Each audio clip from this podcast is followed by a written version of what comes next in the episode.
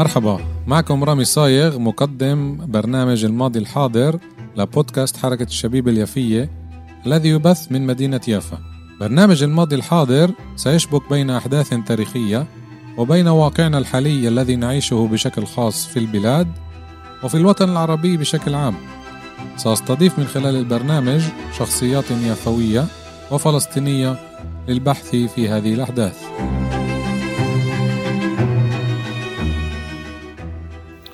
تحياتي مستمعاتنا ومستمعينا الكرام من جميع أنحاء العالم. حلقة جديدة من برنامجي الماضي الحاضر. اليوم الحلقة المستمرة الحلقة الجزء الثاني من حلقتنا المهمة اللي بتحكي عن الكرة العربية الفلسطينية المندثرة قبل النكبة. الحلقة الأولى تطرقت إلى الكرة التي تم تهجير أهلها وهدمها زمن الحكم العثماني.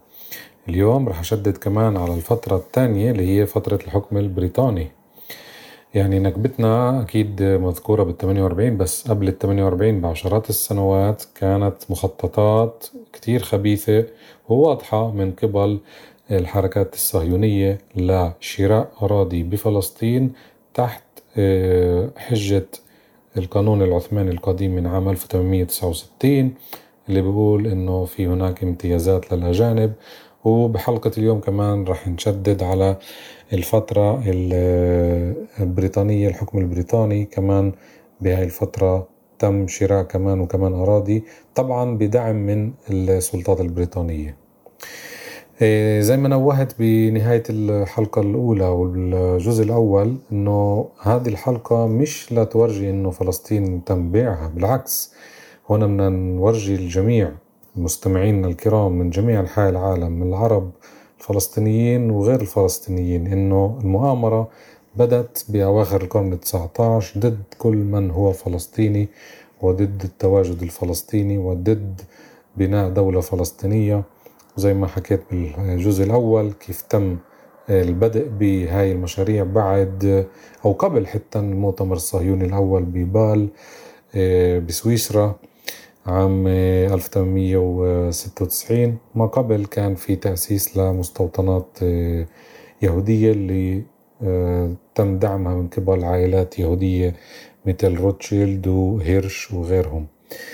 اليوم بدي أشدد على تكملة الصيرورة هذه ونشوف كيف بمناطق معينة أغلبها بشمال فلسطين استمرت هاي المؤامرة واستمر شراء الأراضي بالقوة وبالطرق الشرعية وغير الشرعية من قبل الحركات الصهيونية لإفراغ أو لطرد أهالي فلسطين العرب من قراهم ومن أراضيهم.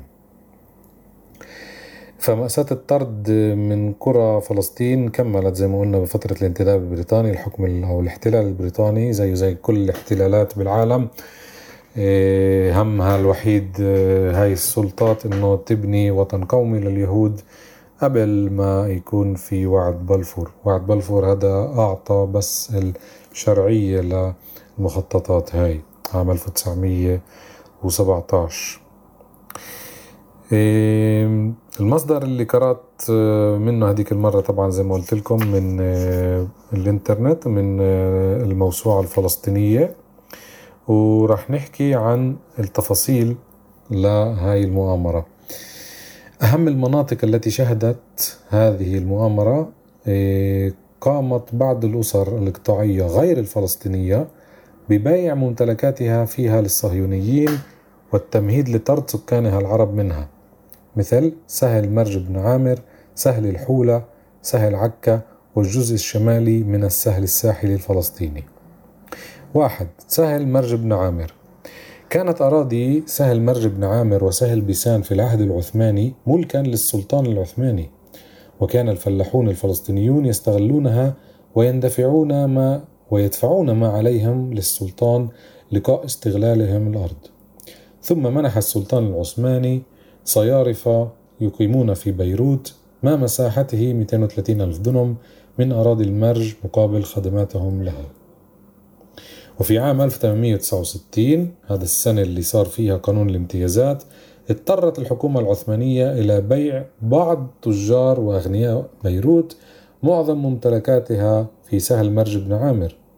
ومن القرى العربية التي بيعت العربية الفلسطينية التي بيعت في هذه الصفقة جنحار العفولة خنافس أم التوت تل الشمام تل الفر تل العدس معلول سمونة كفرتة جيدة بيت لحم الجليلية أم العمد طبعون قصقص شيخ بريك مسحة سريد جباتة والورقاني.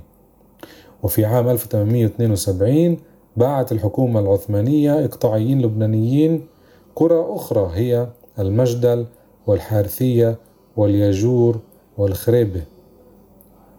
وقد باع هؤلاء التجار إلى الصهيونيين بين عامي 1921 و 1925 أكثر من 200 ألف دنم من أراضيهم في سهل مرج بن عامر. وإحنا بنقول كمان أنه 400 ألف دنم المصدر الرئيسي.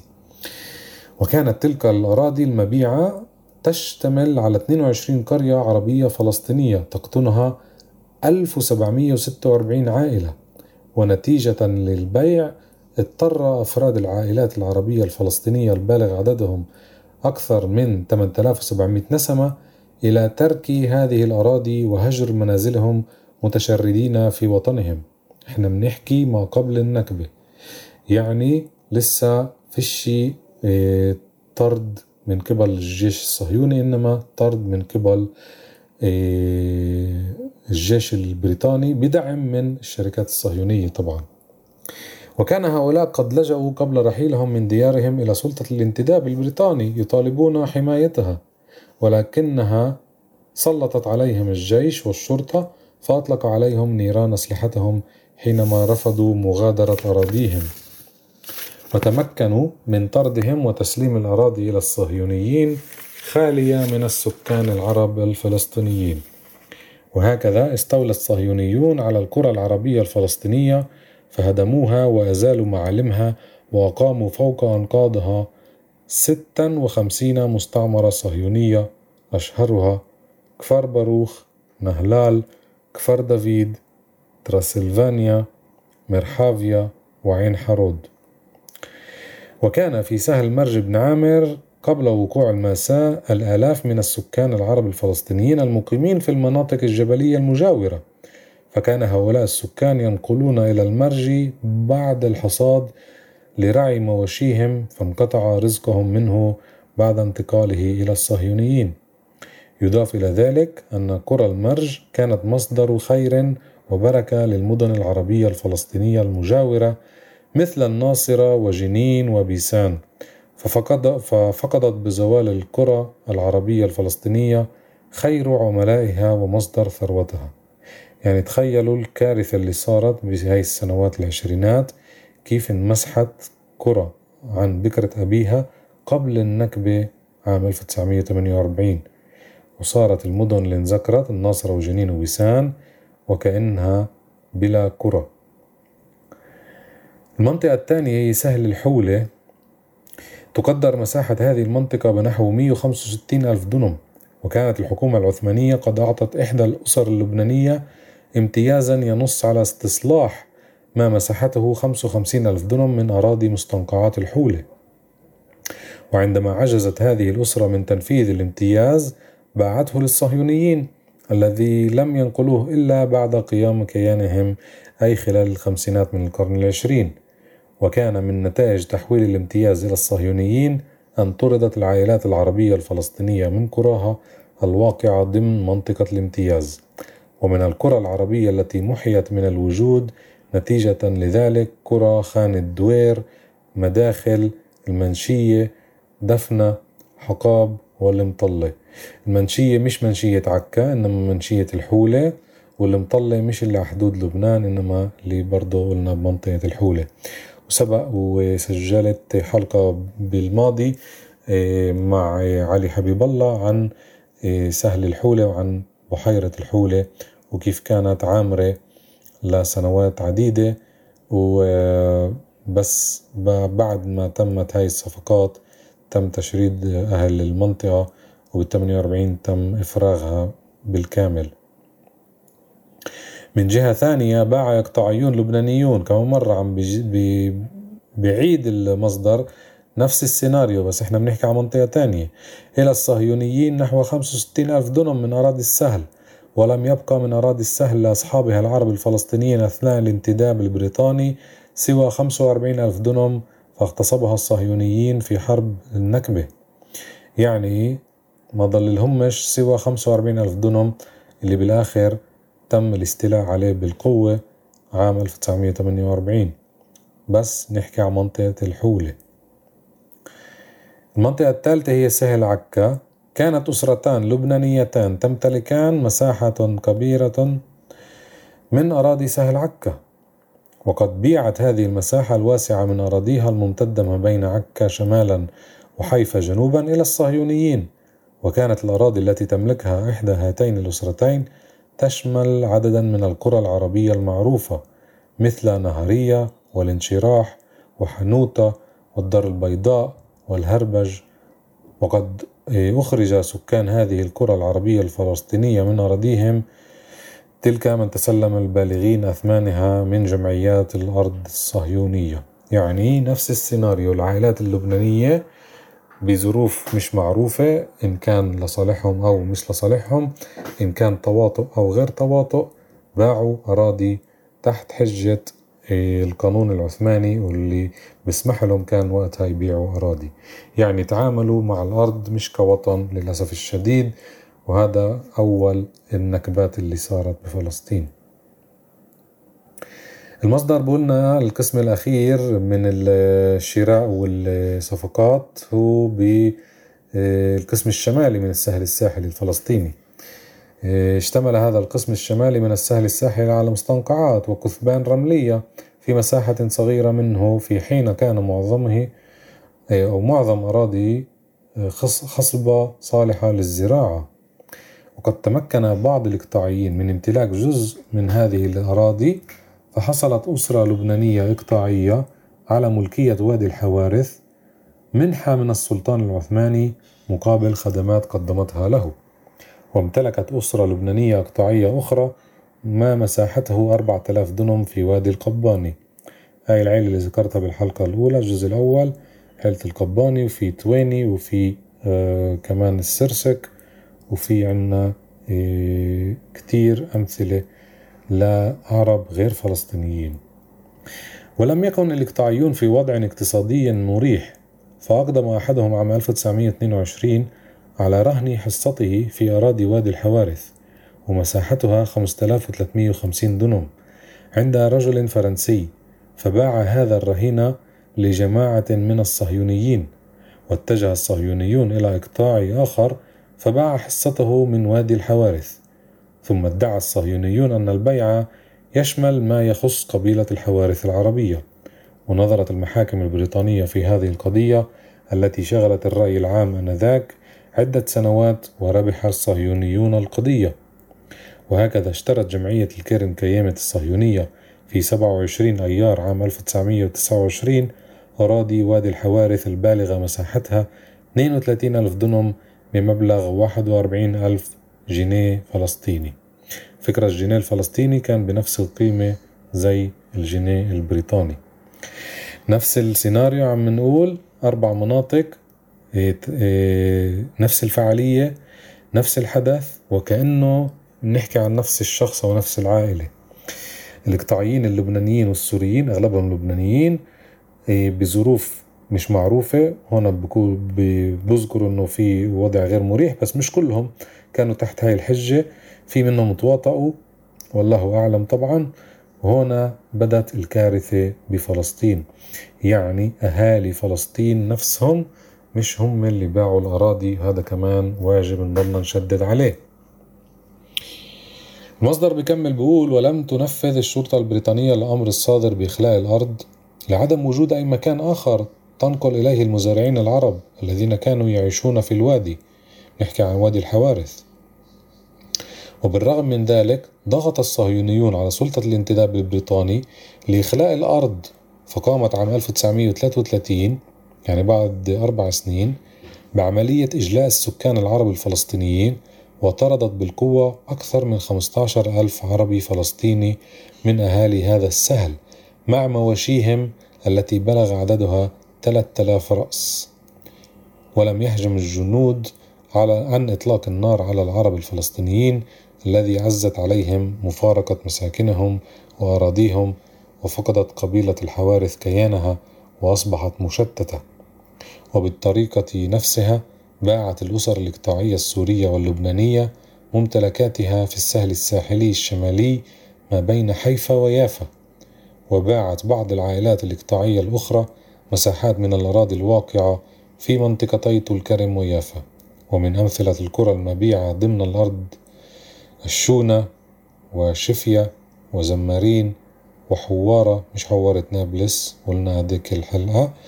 ووادي الحوارث اللي ذكرناه ووادي القباني اللي ذكرناه والمراح وشلاليف.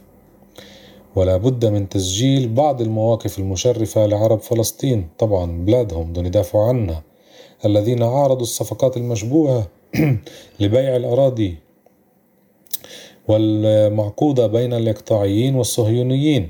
فعلى سبيل المثال كان بعض الفلاحين الميسورين يشترون الأراضي التي يصل إلى علمهم أن أصحابها من الفلاحين الفقراء أو من الإقطاعيين يزمون بيعها إلى جمعيات صهيونية. كما أن المجلس الإسلامي الأعلى حسب المصدر بقولنا تدخل لشراء بعض الأراضي من أصحابها خشية تسربها إلى الصهيونيين. وبالرغم من ثقل المهمة وصعوبتها فقد اشتريت في بعض الأماكن قرى بأكملها.